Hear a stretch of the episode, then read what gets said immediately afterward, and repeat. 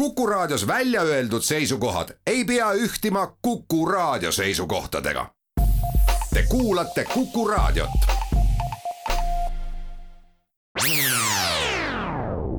Restart.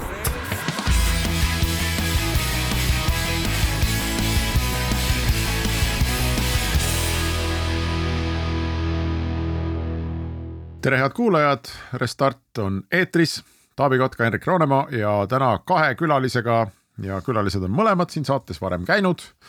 aga me vist, ma arvan, et umbes esimene kord äh, kogu selle saate ajaloos, Taavi, hakkame teoks tegema seda, mida me mingi enam-vähem iga saate lõpus lubame, et noh, aasta pärast kutsume siis tagasi. ja nüüd ongi, ma arvan, umbes täpselt äkki aasta saanud eks nad ise räägivad, parem mälu on, aga firma on tagasi ja, ja saate osalejad, külalised on ka tagasi. Andres Samka, Indrek Jürgenson ja firma Parcel C tere. tere, tere. tere, Henrik. on siis aasta möödas või arvutab keegi näppude peal? ma ütlen sulle, et see on üksteist kuud. noh, enam-vähem täpselt. Parcel C, ma nüüd äh, saan ka, kuna te olete varem saates käinud, siis ma saan teha ise selle kokkuvõtte, et millega te tegelete, säästame aega. Parcel C on siis äh, Cleveronist ära läinud inimeste tehtud pakiautomaadi firma Mm, kus pakiautomaat ei ole mitte kaubanduskeskuses, vaid igaühe koduvärava taga, maja ees näiteks. ja kuller ei, kuller või sõber või ükskõik kes, kellel on midagi sulle anda, läheb sinna automaadi juurde, tõstab kaane püsti, paneb paki sisse läheb minema ja sina saad teate, et sulle on tulnud pakk ja niimoodi mina näiteks viisin äh, eile mikrofoni meie saatekülalistele, aga ma saan aru, et saab ka tellida e-poest toitu ja võib-olla tuleb kullerfirma, et et sul on selline pakk. Ja kuna ta aasta aega tagasi käisid, siis ma mäletan kahte asja sellest saatest, ma mäletan, et äh, oli plaan minna Rootsi, sellepärast et Rootsis on äh, palju inimesi, kes tahavad endale sellist automaati, oli, oli äh, arvamus. Ja teine, et ta, et ta peab saama nutikaks et ta muutub omamoodi nagu sinu selliseks kodu, ma ei tea, teenriks või valvuriks või et ta kuuleb-näeb, mis ümberringi toimub ja saab suhelda ja et, et ta täna on küll kast, aga tulevikus on ta selline tark ja osavõtlik kast. kõige asja. targem kuupmeeter sinu maal. just. Ja. ja nüüd meil on siis paras aeg võtta järgmised nelikümmend viis minutit ja küsida, kuidas siis läinud on selle plaaniga, ma ei tea, kelle käest ma küsin, Andres, Indrek ähm,, olete Rootsi turul või ei ole? Ja et Rootsi turule me veel ei ole jõudnud, küll aga oleme täitnud oma eesmärgid, ma ütleks Eestis koduturul, et äh, aasta alguses seadsime jah sihi pakkuda teenust äh, nii Eestis, Soomes kui Rootsis äh, kolmel turul. Ja ja täna oleme väga edukalt Eestis oma äri käivitanud, meil on õnnelikult kolmsada viiskümmend klienti täna laivis. meil on, me oleme täna kogu võrgu peale vastu võtnud kümme tuhat pakki ja, ja saatnud. Äh, pakke on siis tagastatud läbi selle nutipostkasti ka kuskil tuhande ringis.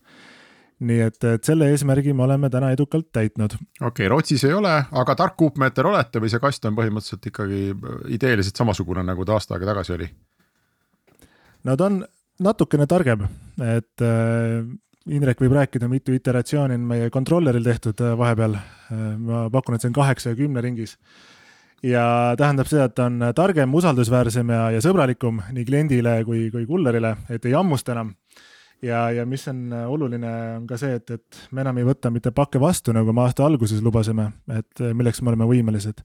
aga just see saatmise ja paki tagastusfunktsioon on, on see, mille me oleme, mille me oleme liidestanud oma tootele ja mida väga edukalt äh, kasutatakse. okei okay,, Taavi, sina oled üks kahekümne seitsmest investorist, nüüd on see koht ka, inimesed on palunud, et me ütleks, me ütlesime, et äh, sul, sul on oma masin on peamine selle saate kontekstis, sinu maja ees. kuidas sinu, kaks lausa jah, kuidas ja, sinu kui kasutaja kogemused on olnud selle aasta, kas keegi toob sulle sinna üldse pakke ja kas see kupatus töötab? Eh, jaa, toob, toob küll, selles mõttes äh, täitsa nagu toimib äh,.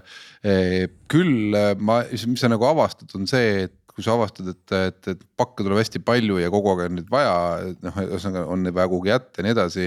siis, kui sa päriselt seal maja ees on, siis tuleb välja, et noh, mingid kuud a la suvekuud näiteks ei olnudki nagu erilist nagu pakimöllu, sellepärast et noh, ju ei tellinud ka midagi, mis sa ikka tarbid, on ju.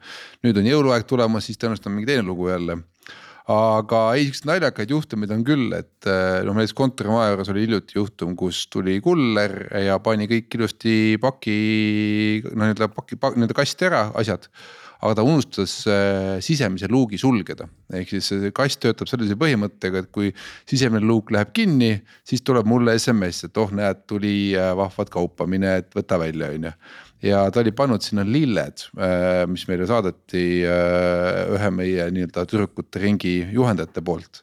ja loomulikult me ei olnud kolm päeva seda kasti avanud, on ju. mistõttu need, et kingitus oli alles, aga lillekimp oli juba nii-öelda muutunud selliseks ähm, kuivatatud lillede kibuks okay.. et, et selliseid siukseid naljakaid juhtumeid on, on ju, esimese versiooniga ma mäletan äh, me kõvasti sadas, äh, me oleme siin mere ääres, on ju, et me saame lisaks sellele vihmale, mis tuleb ülevalt alla, tuleb ka seda vihma, mis tuleb alt üles, on ju. siis äh, on olnud juhtumeid, kus olen ka oma kassist mingil esimesel versioonil leidsin ka vett näiteks on ju, noh, need vead on tänaseks juba ära parandatud, on ju, et, et. et selles mõttes nagu äh, ikka nalja on saanud jah. noh, aga lähme siis äh Lähme siis sellega edasi, mis, mismoodi te ise, Indrek ja Andres, näete seda oma esimest aastat, et Teie plaanid olid äh, aasta aega tagasi sellised konkreetsed ja ma ütleks, et kõik tundus isegi lihtne, et noh, kast valmis ja mis noh, toode on olemas ja nüüd on ainult müügivaev, on ju. kas see tegelikkuses on niimoodi olnud või kuidas see esimene aasta läinud on? me ostsime selle pileti sinna startup'i reisile on ju, karussellile ja, ja oleme saanud äh, sõitu täie raha eest ausalt öeldes, et äh, tegelikult plaanid on meil siiamaani väga konkreetsed ja, ja, ja esimene õppetund, mida me kindlasti kogesime, on see, et äh, jaanuari algus eelmine aasta oli meil olemas toimiv MVP toode, mis töötas juba lumehanges ja iga temperatuuriga. ja esimesed kakskümmend klienti me paigaldasime kiiresti ära jaanuaris-veebruaris tegelikult ja, ja kakskümmend klienti olid õnnelikud, andsid meile tagasisidet, suuri prohmakaid ei olnud. see, mida Taavi rääkis, et siukseid apsakaid ikka tuli ette, aga me testisime oma toodet tegelikult klientide peal, et mis on väga kiire strateegiline lüke, on ju, mida paljud ettevõtted kardavad, et minna kohe välja kliendi juurde ja, ja siis vaadata, et kuidas see välja näeb. ja, ja mida me, mis siis järgmisena juhtus, oli see, et, et äh, kaasasime investoreid, kes aitavad, aitasid meil hoogu sisse panna ja, ja läksime kohe seeria tootmisesse, et olime kogunud piisavalt eeltellimusi, kliendid ootasid meid. ja, ja, ja, ja läksime maikuus hakkasime seeria tootmises äh, paigaldama neid tooteid ja läbi suve oleme seda teinud et on, on paar sellist globaalset trendi, kus me oleme vastu päid ja jalgu saanud, et üks on näiteks toormaterjali hinnatõus. see on selline turuloogika, mis maailmas toimub praegu, metalli hind on kasvanud, ma ei tea, täitsa, ma ei tea, kolmkümmend, nelikümmend protsenti. Äh, samal ajal on ju, meil on see kiibi probleem, tarneprobleem üle terve maailma, kus jällegi on ju, toode oli töökindel, kõik töötas. Indrek mõtles, et no nii, kontroller on äh, parem kui kunagi varem, on ju, ja tuli hakata jällegi mingit kivi vahetama, sellepärast et mingi kivi on maailmast otsas. ja selliseid riistvara võlusid äh, me olemegi operatiivselt lahendanud terve suve, aga samal ajal alati võrku kasvatanud. ja, ja samal ajal äh, ikkagi pakkunud kliendile seda, mida me oleme lubanud, et, et, et selles vaates ma ütleks, et läbi, läbi raskuste oleme teel ikkagi tähtede poole. ja, aga ikkagi äh sellesama, noh, ütleme, kui metalli hind tõuseb nii palju, et äh, siis läheb sul ärimudel mõnes mõttes ikkagi tuksi, sellepärast et sa oled teinud arvutused selle pealt, et a la. et toote omahind on X ja müün välja hinnaga Y ja sinna vahel peaks jääma mingi marginaal, et toota järgmist kasti X ja nii edasi, on ju, ja nüüd, kui läheb see valem teistpidi, ehk siis nagu tootmine on kallim kui see, mis sa nagu kliendi käest tagasi saad, on ju, et siis see äri nagu pikalt ei kesta, eks, et äh,. Indrek, sina nägid seda valu nagu võib-olla isegi lähemalt igapäevaselt, et äh, et äh, kui palju see sind ümber pani mõtlema, et täna on see kast äh, metallist on ju noh, iseenesest plastik on odavam, samas noh, jällegi valu on vaja toota ja nii edasi, see võtab kõik aega, on ju, et. et äh, kui palju see, mismoodi sa oma aastat ette kujutasid, on sinu peas või noh, nii-öelda teistmoodi, teist, teistsuguseks kujunenud? jah, kindlasti selles mõttes õige, õiged tähelepanekud, et kui teha nagu selline paar tükki või, või kümme tükki või, või isegi sada tükki, siis on ühed mured ja, ja kui need numbrid lähevad suuremaks ja, ja mängu tulevad sellised, äh, kes iga päev toodavad nagu sadu ja tuhandeid ja kümneid tuhandeid seadmeid ja, ja teevad siis seda tööd seal, siis väga paljud asjad tuleb äh, ümber muuta. et esimestel versioonidel oli samamoodi, et olid keevitustega tehtud äh, mingid kohad seal kasti juures ja, ja pärast tegime painetega, eks sama asja, et tehnoloogiad nagu täielikult nagu tuleb muuta ja, ja loomulikult see ka, et kui sul on metalli paksus alguses üks, siis sa saad varsti aru, et ma ei tea, millimeeter on väga tähtis metalli puhul. et kas on millimeeter siia või sinna, siis see mängib ja värvimine ja ja vahetasime pleksid välja seal noh, jällegi hoopis teise, teist, teise lahendusega lõpuks, et. et kui külmaga seal paisub pleksi taga see liim ikkagi saab mingi vee vahele ja siis lükkab selle lahti sealt, siis ei ole jätkusuutlik lahendus, et. Ja kui sa oled neid teinud selline viiskümmend või kuuskümmend tükki juba ära, siis ja need hakkavad sul põllult tulema tagasi, need murekohad, siis muuta äh, masstootmist nagu kuskilt kaugelt äh,, noh soojast kontorist on seda mõnus mõelda, aga aga reaalsuses nagu inimesed kasutavad ja tahavad seda toodet kasutada, siis noh, sul väga kiiresti tuleb muuta kogu seda ahelat, et. et see väljakutse on sihuke paras peavalu ja, ja teine pool loomulikult elektroonika poolest vaatas ka, et. Et üks asi on see kiipide puudus. noh, see on nagu kõigil, et me auto, ma ei tea, autot ostes täna näeme, et pole lihtsalt võimalik osta, eks, aga aga sellele õnneks on noh, meil nii väike see elektroonika osa, et, tuleb ümber disainida. ja, ja, ja siis tuleb väga kiirelt tegutseda, et, et kõik need kohale jõuaks. ja, ja nüüd, kui sa oled uue generatsiooni kontrolleri leiutanud, siis põhimõtteliselt on soovitav vahetada ka nendel olemasolevatel kastidel see välja, nii et jällegi füüsiline maailm tuleb mängu, kus tuleb tarkvara uus kirjutada uue kontrolleri jaoks tuleb need äh, soovitavalt välja vahetada, sest äh, pole väga jätkusuutlik, kui sul on paarkümmend masinat ühe kontrolleriga, paarkümmend masinat teise kontrolleriga, tulevad erinevad tarkvaraversioonid. nüüd sa hakkad kõike seda halduskeerukust seal hoidma, noh odavam ja lihtsam tuleb see, et viime nad kõik ühele levelile sa pead läbi sõitma need kastid, eks, et sa ei saada sa ei vii, ei pane kasti Taavile seda kontrollerit ja ütle, et vaheta ise. kui ta on jah, kui ta on elektroonika nagu ta on sihuke käegakatsutav päris asi, eks äh,, siis äh, jah, ütleme, et mingis vaates me isegi vahetasime juhtmestiku välja. aga, aga, aga tarkvara me teeme kaugelt, et selles no, mõttes. seda muidugi jah, äh, jah. jah, et tarkvara uuendusi ja kogu seda firmware uuendust, seda teeme kaugelt, et äh, õnneks äh, selliseid päris suuri prohmakaid, noh kuskile peaks vastu puud nüüd koputama, aga selliseid päris suuri prohmakaid, kus me pidime totaalselt kogu toote nagu ümber tegema. Äh, õnnestus vältida, aga väljakutseid äh, kindlasti on. olgu, me teeme esimese pausi ja siis jätkame.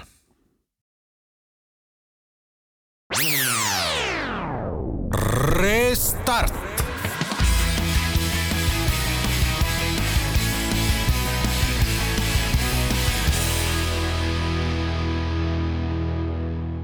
Restart jätkub ja pakimasinate idufirma Parcel C on meil täna külas, Andres Samka, Indrek Jürgenson, kaks kaasasutajat ja me räägime, mm, kuidas esimene aasta läinud on ja mis, millised arvamused või eelarvamused osutusid siis tõeks, kui hakati tegema Parcel C-d ja millised äh, mitte?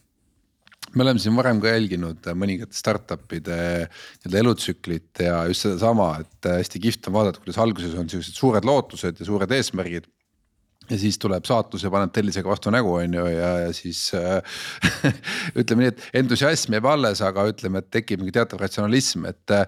eelmine plokk sai ruttu läbi, Indrek, äh, kas sa kahe sõnaga oskad seda ka kommenteerida, et, et äh, kui sa nüüd aastaga vaatad, vaatad sedasama hindade kujunemist, selle toote omahinda ja nii edasi, et äh, äh kui küps või kui valmis täna Parcel Z on ikkagi hakkama selle peale mõtlema, et noh, kolmsada viiskümmend on veel sihuke number, mis on noh, nii-öelda noh ei ole nagu, nagu, nagu ülisuur, on ju, et, et, et.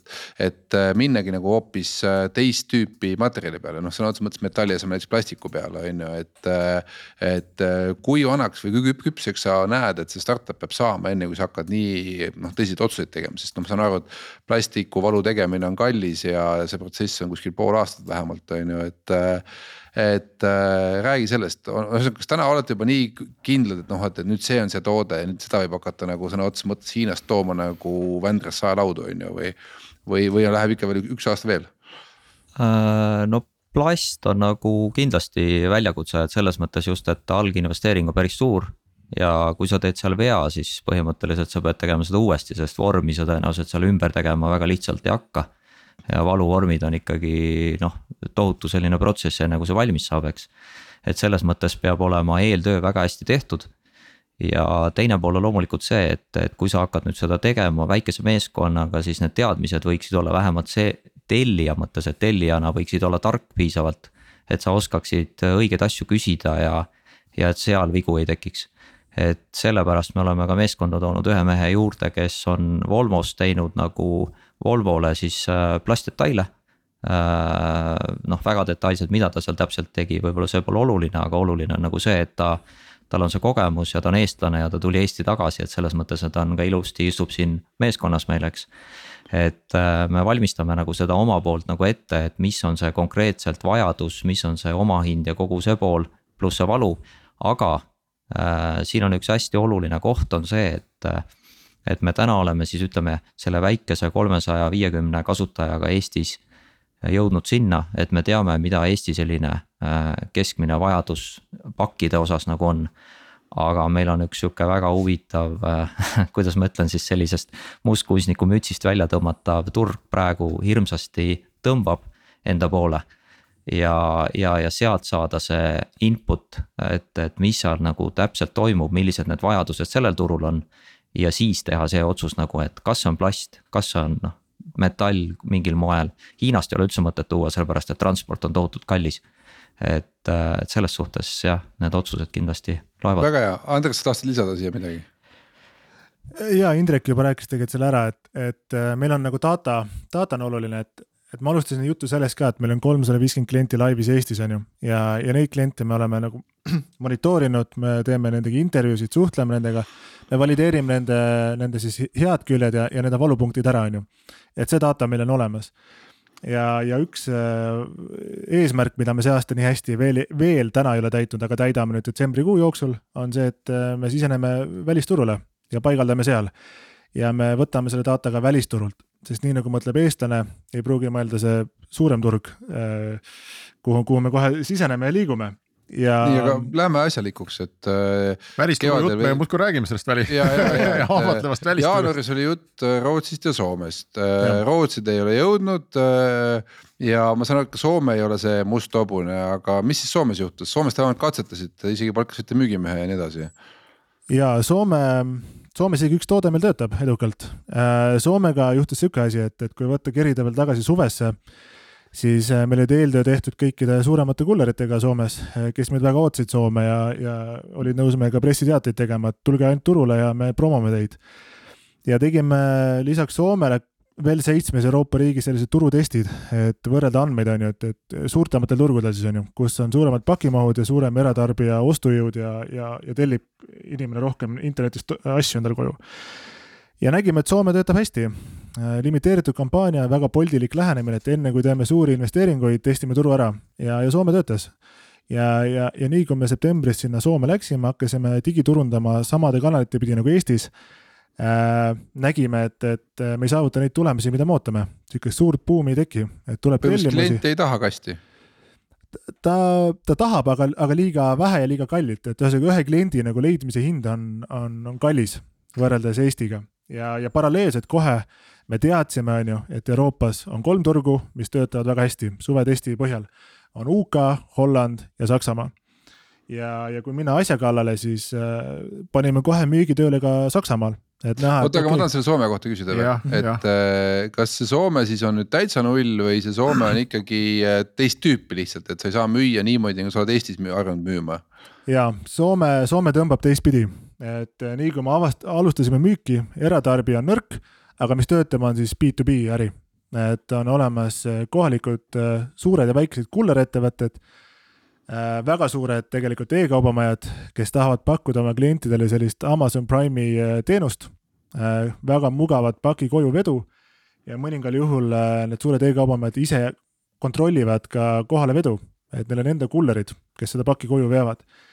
ja, ja nendel on selline konkurentsieelis, kui nad suudavad oma lojaalsetele klientidele panna aia ette sellise nutika postkasti, kes siis jääb tellima samast e-kaubamajast ja, ja, ja sellised, selliseid ärisid on meil viisteist tükki seal kuskil praegu, kellega me läbi räägime.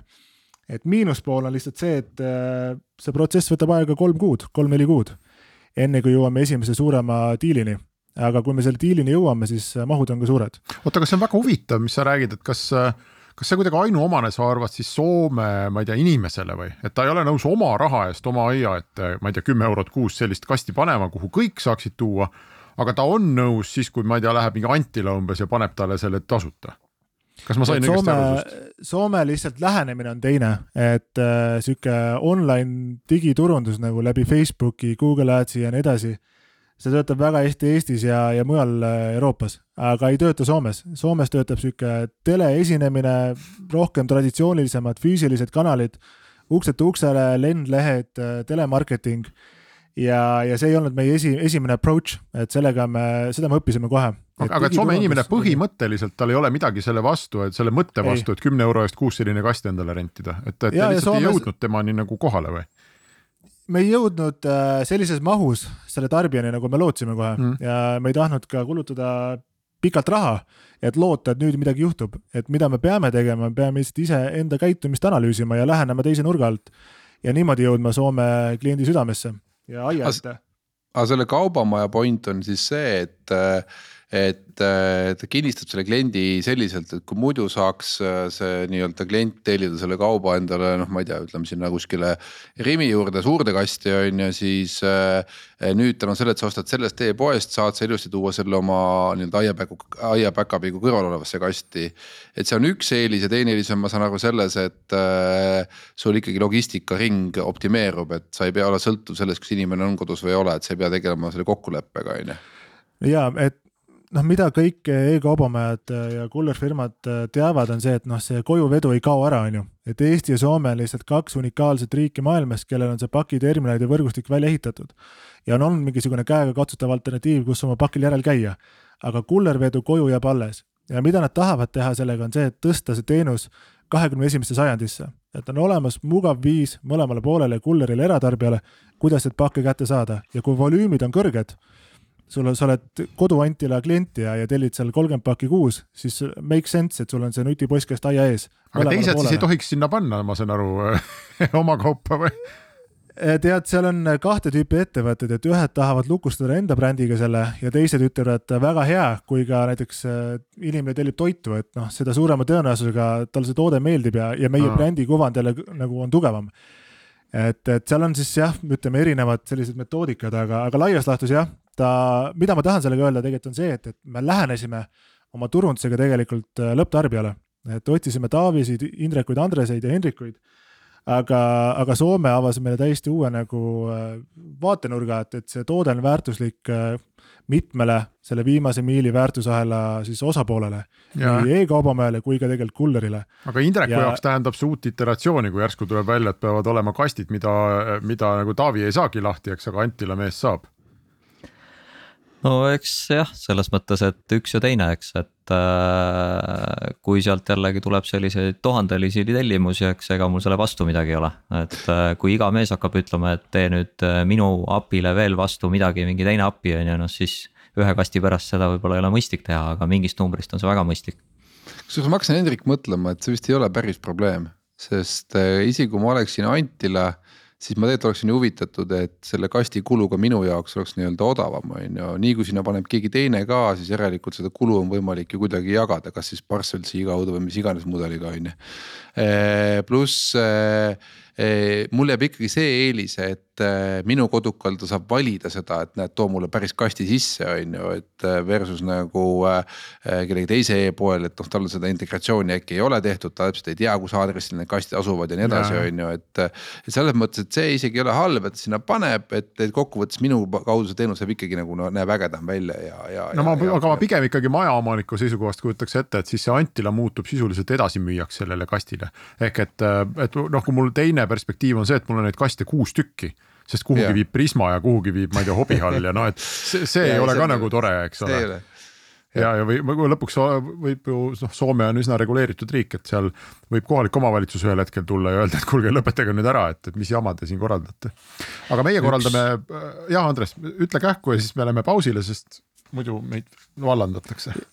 Ja ütleme siis e-kaubamaja huvi tegelikult on see, et äh, see oleks ikkagi avatud platvorm lõppkokkuvõttes ja ta on nõus, ütleme ise maksma kliendi eest selle esimene aasta-kaks selle toote eest, mille peale, mida klient võtab selle lepingu üle. et, et lõppkokkuvõttes see lojaalsus säilib. ja olgu, paus ja siis jätkame juttu.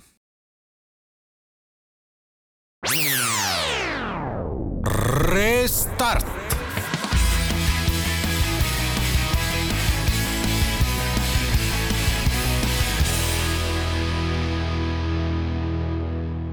Restart läheb edasi, Taavi Kotka, Henrik Roonemaa külaliseks on Parcel C. no Soome me nüüd lahkasime ära, Rootsi, ma saan aru, et laev ka ei käinud, oligi keeruline minna. aga, aga räägime nüüd sellest suurest turust, mis, millele siin on mitu korda vihjatud ja millele siis on palju lootusi pandud, et see mis need on? kõigi Eesti startup'i unistuste maha. Saksamaa käis läbi või? või Suurbritannia? Saksamaa. jaa, no me võtsime õppust esiteks Restardi saatest on ju, kus on korduvalt välja toodud, et esimesed turud ikka Baltikum või Soome on ju. Et äh, me oleme siis need esimesed liikujad, kes hüppavad kohe siis Saksamaale ja korrigeerivad selle väikese pagan, see, see tunduks mulle ikka väga USA toode, mida te teete, no.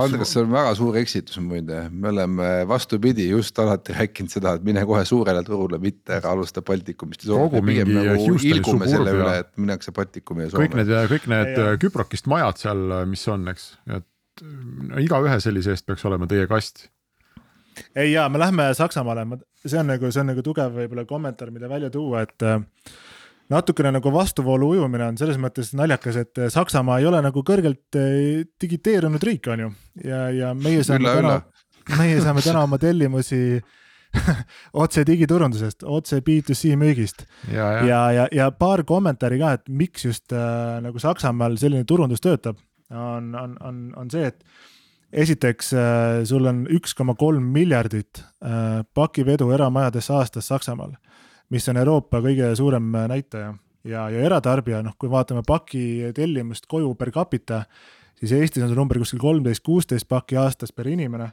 Saksamaal on see kolmkümmend kuus. et kuskil kolm korda rohkem tellib keskmine sakslane endale koju asju aastas. ja, ja Eestis ja Soomes, nagu ma ütlesin, on need pakiterminalid meil kõigil silme ees, et oh, mul on nii mugav minna sinna Itellasse või TPD-sse ära tooma asju. Saksamaal seda pole seal on budopunktid ja postkontorid ja, ja valu on oluliselt suurem, sa tellid palju, aga sa pead passima seal postkontori järjekorras ja noh, Covidi ajal, kas sa üldse tahad kuskile sisehoonesse minna, et, et, et sellepärast äh, need inimesed on äh, sellised äh,, valu on nii suur, et, et tellivad internetist otse. Miks Saksamaal nagu pakiautomaate ei ole, Andres, kas sa oskad öelda või kas seal on mingi regulatiivne põhjus või see, see ei kõla loogiliselt, et see oleks äriline põhjus? Seal on loomulikult, aga neid ei ole nii tihedalt, kui on Eestis, et sa pead oluliselt kaugele rändama, et oma pakil järel käia ja teine asi on see, et noh, Saksamaa on DHL-i maa. et eh, DHL on äh, oma mm -hmm. siis äh, kulleri keskselt üles ehitanud võrgu, kus sa saad DHL-i pakke kätte, on ju. aga keskmine sakslane, ma loodan, et tellib ka mujalt maailmast asju, kuhu, mis tähendab seda, et koju võib tuua sulle ka UPS või, või TPD, on ju. ja see ongi meie oluline eelis on see, et meie kast on avatud kõigile, kõik operaatorid saavad sisse panna, et ei ole ainult DHL, kes saab seda teha, vaid ka teised. mis on nagu veel eriti oluline näiteks nendele sisenevatele kullerfirmadele nagu UPS, kes väga radikaalselt tahab praegu Euroopas äh, oma turgu kasvatada aga mida see nagu tähendab, et ma lähen Saksamaale, et noh, okei okay,, Eestis on kolmsada viiskümmend äh, praegu siin edunumber, noh, kui me nüüd läbi korrutame kümme eurot kuus, kolm tuhat viissada eurot, noh, pole just sajandi käive on ju, et noh, et, et. Äh, et selleks, et see asi hakkaks ikkagi nagu mängu muutma, noh peaks olema sada tuhat kasti äh, kuhugi ikkagi ära paigaldatud, on ju. et kas see üldse nagu reaalne nagu eesmärk või ütleme, kumb firma nüüd ikkagi Parcelsi on, et kas ta nüüd on kasti tootmisettevõte ja kasti paigaldamise ettevõte või ta on ikkagi selle platvormi äh, nii-öelda ettevõte, kes saab oma nii-öelda näpud rasvaseks selle pealt, et äh, pakid muudkui tulevad, lähevad, on ju, ja muu kaup. ja no kaks küsimust korraga, et ma alustan nagu esimesest äh, no me võtsime sihiku alguses üldiselt Saksamaa peale ja tahtsime näha, et kus on need klastrid, kus kohas kliendid hakkavad tõmbama seda toodet, et kust need tellimused tulevad ja täna on meil nagu kolm, kolm-neli sihukest suuremat piirkonda selgelt joonistuvad välja. Frankfurdi, Kölni, Hamburgi piirkonnad. ja kui me lähme sinna nüüd detsembris tegelikult, paigaldame esimesed nelikümmend tükki ära, siis peale seda me saame hakata ehitama sihukest tihedust et äh, kui on ühel tänaval olemas, lähme naabrimehe juurde, koputame, kuule, su naabril on olemas, osta ka endale, on ju. ja, ja niimoodi see tihedus tegelikult kasvab ja Saksamaal laieneda ei olegi võib-olla alguses mõistlik üle terve riigi, vaid paneme esimesed seemned maha, hakkame tänavaid võtma, hakkame linnaosi võtma, hakkame linnu võtma. ja, ja Saksamaal elab, mis ta on, kuuskümmend, seitsekümmend miljonit elanikku. et seda turgu seal on omajagu, et saja tuhandeni on seal võimalik kasvada. ja, ja kommentaar nagu platvormi kohta ka et äh, meil on ahvatlusi nii palju, et me Indrekuga tihti nagu äh, hoiame ennast tagasi, et lihtsalt ideid on nii palju, mida sellel platvormil peale ehitada. aga startup'i ehitades ja, ja riistvaraäri tehtes on ülioluline see fookuse säilitamine. Ja, ja kui meil on infra piisavalt suur, kui me tekitame piisava tiheduse, siis selle peale me ehitame esimesed äh, teenused ka. Ja ma mainin ära ühe teenuse, ma arvan, et mida Äh, julgeme välja hõigata küll juba, on, on sihuke pesumaja keemilise puhastuse teenus mm., mida piloteerime kohe äh, kvartalis üks jaanuaris. mis tähendab seda, et sa saad jätta oma musta pesu siis meie nutipostkasti ja vastu saad puhta pesu. ja sarnaseid mugavusteenuseid äh, hakkame samm-sammult rakendama mitte ainult Eestis, aga mujal ka siis. see kast peaks palju suurem olema siis, aga Indrek, sa tahtsid lisada midagi? Jah, teenuste poole pealt tahtsingi öelda, et äh, on hästi palju ettevõtteid, kes pakuvad inimestele erinevaid teenuseid ja see on üks selline. ütleme siis, kui me vaatame pakkide mõttes, et me täna oleme siia paki sellesse liiklusesse natuke kinni jäänud, et pakkide vastuvõtmine, tagasisaatmine, üleüldse saatmine ja kogu see pakinduseks. et äh, kindlasti on see asukoht ja, ja, ja see et ta on seal avatud äh, ja sinna on võimalik jätta ja seda lukustada ja koodi saata, et see on midagi enamat ja kui inimesed, kui inimesed nagu põhimõtteliselt noh, kuidas öeldakse, et jalgadega hääletavad, eks, aga rahakotiga kindlasti ka. on nagu lisateenuste eest valmis maksma, siis me kindlasti suudame neid teha, et äh, kaamerate lisamine sinna juurde ja, ja, ja see tehnoloogiline võimekus on meil kindlasti olemas. Äh, saame isegi selle akuga seal hakkama, kui väga tahta, eks äh, saab teha igasuguseid muid huvitavaid asju sinna juurde veel.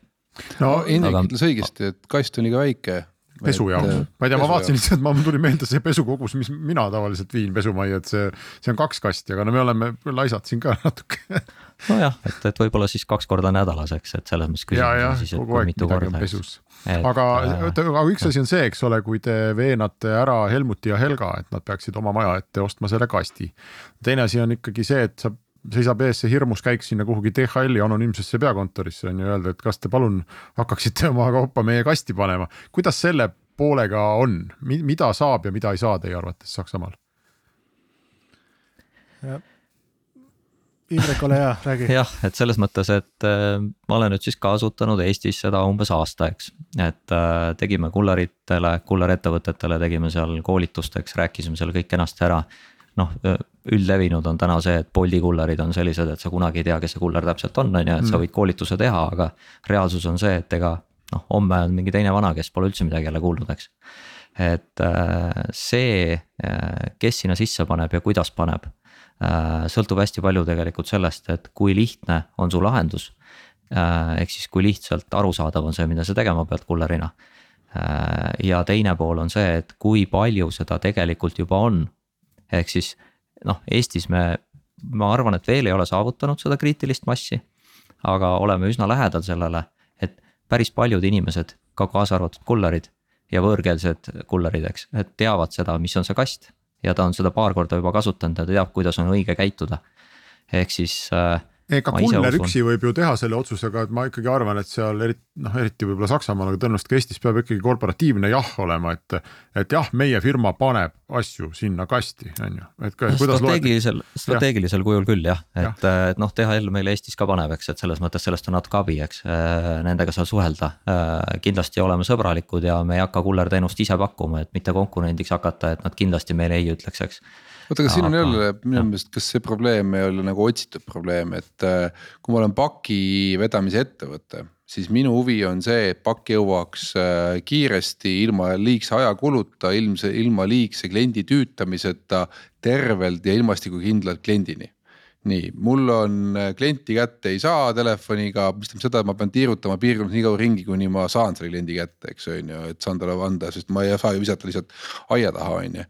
Äh, kui klient ütlebki, et pane aia taha, samal ajal sajab, on ju, noh natuke kuidagi kahju ka on ju, et noh, et aga noh, klient palus on ju, et ma siis panen, on ju samas kui klient ütleb mulle, et kuule, mul on aias noh, mingi no ütleme, oletame, et ei ole Parsonsi kast, vaid on ütleme sihuke koerakuudi moodi element, ütleb, et pane koerakuuti, et mul koera ei ole, on ju, et noh, et, et lihtsalt on varjul olemas, on ju, noh siis.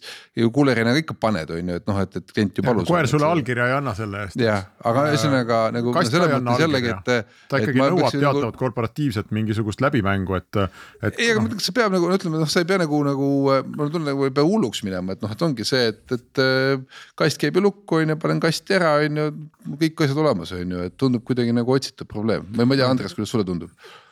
ja ma vastakski täpselt samamoodi, et Saksamaal on levinud see, et kui inimestel oli kodus Äh, no koputatakse naabri ukse taha ja jäetakse pakk siis sinna, on ju, ja kui ka naaber ei ole kodus, minnakse teise naabri juurde, on ju.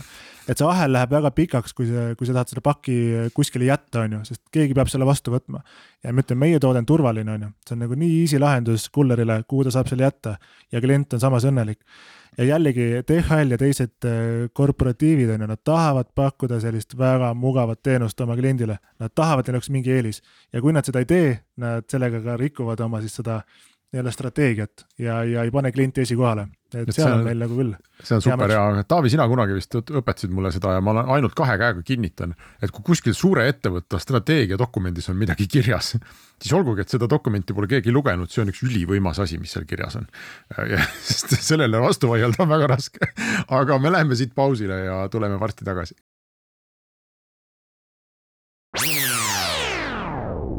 Restart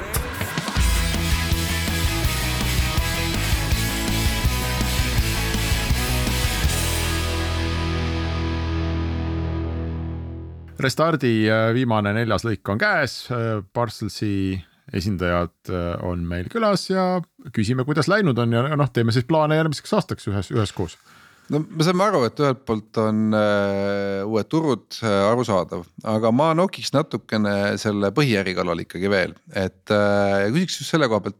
kõigepealt küsime siukse nagu äh, kroonika küsimuse, et, et kas mingid nagu siuksed nagu päris jamasid on ka mängu tulnud, äh, mida üle nagu kontrolli ei ole, noh, ma toon mingi näite, ma praegu vaatan aknast välja.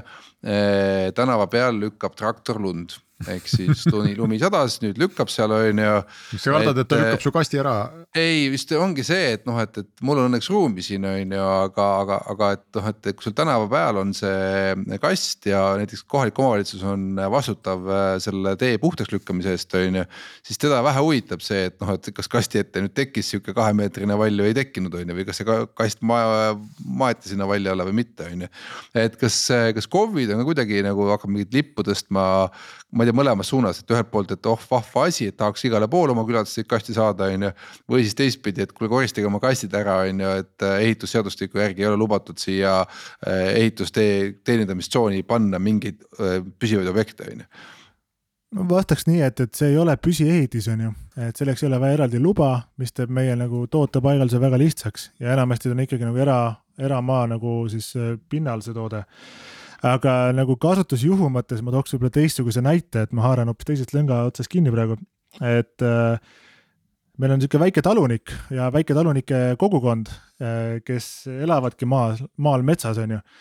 ja, ja, ja nende kasutusjuhud on siis sellised, et äh, nendel on täiesti avatud uus otsemüügikanal läbi selle nutipostkasti, kus nad saavad siis oma koduõuelt saata toitu, kaupa, siirupeid, mett, mis iganes asju oma lõppklientidele üle, üle terve Eesti ja, ja väiketalunikud on välja arvutanud niimoodi, et kui nad peaksid sõitma autoga linna, äh, viima oma tooted sinna pakiterminali ja sõitma tagasi, siis see on talle kal-, äh, kallim kui kutsuda kuller koju, et see võtaks siis nutipostkastist ja viiks need tooted üle terve Eesti laiali.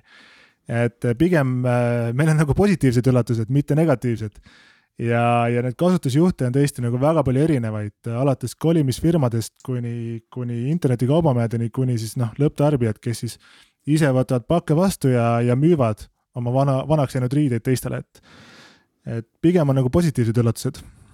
Ah,. okei okay,, lähme edasi. Nüüd eh, jamadest veel on ju, eh, minu peas käib väike matemaatika, eh, selleks, et te saaksite suure turu ikkagi hõivatud, võtame sedasama Saksamaa näite. Teil on täna, ma arvan, enamus ikka vist kasti välja ei osta, eks nad tähendab seda, nad rendivad seda, mis tähendab, on nii, on õige fakt ostetakse ka natukene, aga enamik, enamik rendivad jah. ja nii, kui nad rendivad, siis see tähendab seda, et äh, teil tegelikult on nagu järelmaks põhimõtteliselt, et äh, teete kulutuse täna ära, tootmiskulutuse, aga see tiksub tagasi noh, mitmete aastate jooksul, eks, et äh, mis tähendab seda, et teie tootmine peab olema äärmiselt kapitalimahukas et noh, sa pead põhimõtteliselt võtma, kui sa teed, ütleme kümme tuhat ühikut, siis on kümme tuhat ühikut korda kasti hind, see raha peab olema sul täna välja käia. kuigi see raha tiksub sul tagasi võib-olla seal kolme-nelja aasta jooksul, eks, et, et sellise Saksamaa vallutuse puhul mul on tunne, et teil nendest Eesti inglitest kakskümmend seitse, kuhu ka mina kuulusin, üks on ju, et sellest jääb nagu väheks või mitu kasti on, kas sada, sada tuhat kasti, ma isegi ei kujuta ette, et mis ei no mõtle, mõtle nagu kümme tuhat kasti, no me, no ma. see tundub nii vähe, see ei ole mingi Saksamaa vallutamine, ettevõtte jaoks on suur, aga Saksamaa jaoks. kolmes piirkonnas sa saad ikkagi päris palju juba, et see on nagu ei olegi väga hull juba. no ja et, et me noh, lähemegi seda startup'i rada praegu, et, et me tegime esimese rahastusringi kevadel, nüüd liigume hoogsalt äh, seed round'i juurde, seed round'i poole õigemini.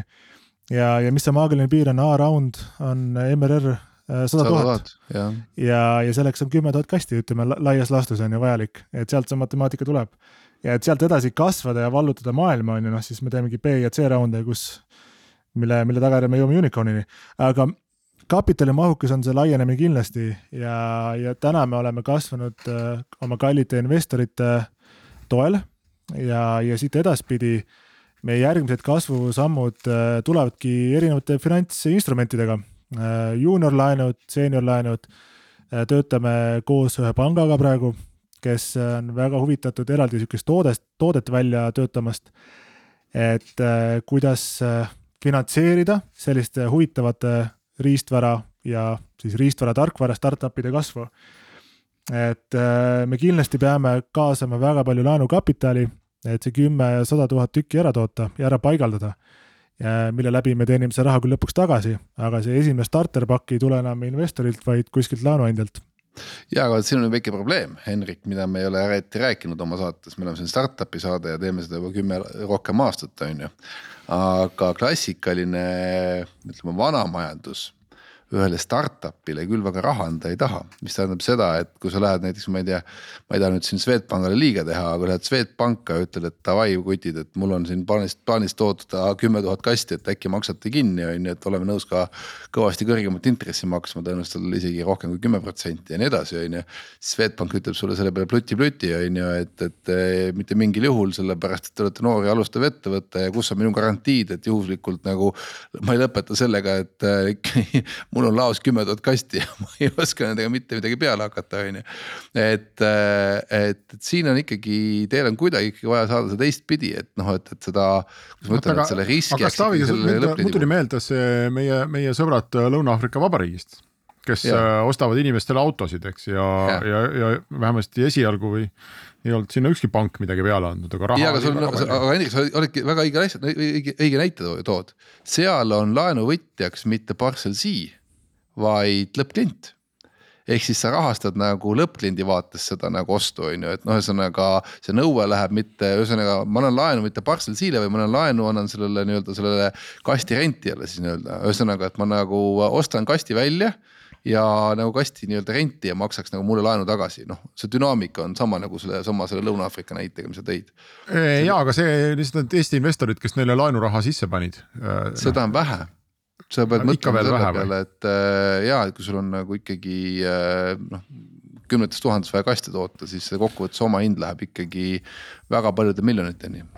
ja siin see tervitused äh, siis Eerikule Lavis, et äh, ne, nende skeem on äh, väga nagu mitmetahuline ja, ja ma ei jaga seda küll siin kõigi ees, aga aga kindlasti sul on noh, siis tekivad mingil hetkel bullet laenud, kus sa hakkadki võtma lihtsalt uut laenu selleks, et refinida vanu laene ja see muutubki, su äri muutub finantstooteks, et kindlasti meie nagu järgmises kasvus on väga oluline samm äh, CFO-l, keda meil küll täna ei ole, aga, aga ta muutub aina nagu tähtsamaks, et et kasvamise eelduseks on, on, on väga head kapitalitingimused ja, ja laenu siis äh, lepingud.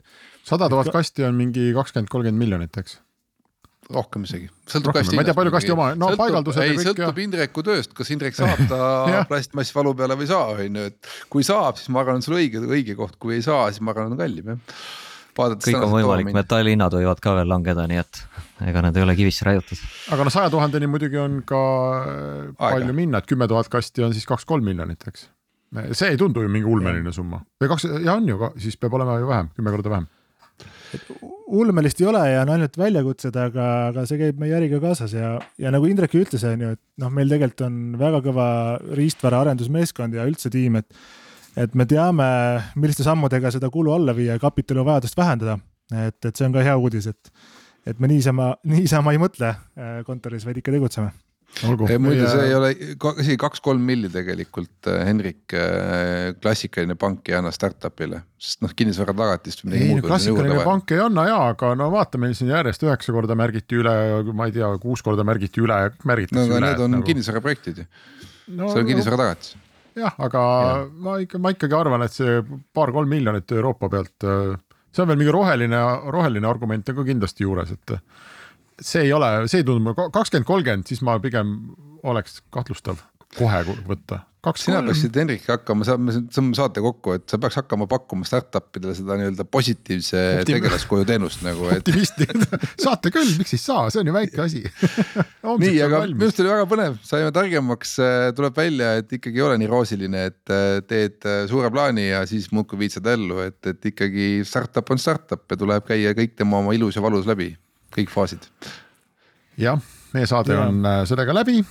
aitäh kõigile osalejatele, kõigile kuulajatele ja noh, ma käin siis veksli välja, meil ikkagi hiilgavalt edukas äh, startup'i tagasikutsumise projekt on nüüd olemas, et siis võib-olla näeme aasta pärast ja kuuleme, mitu kasti on Saksamaal. Restart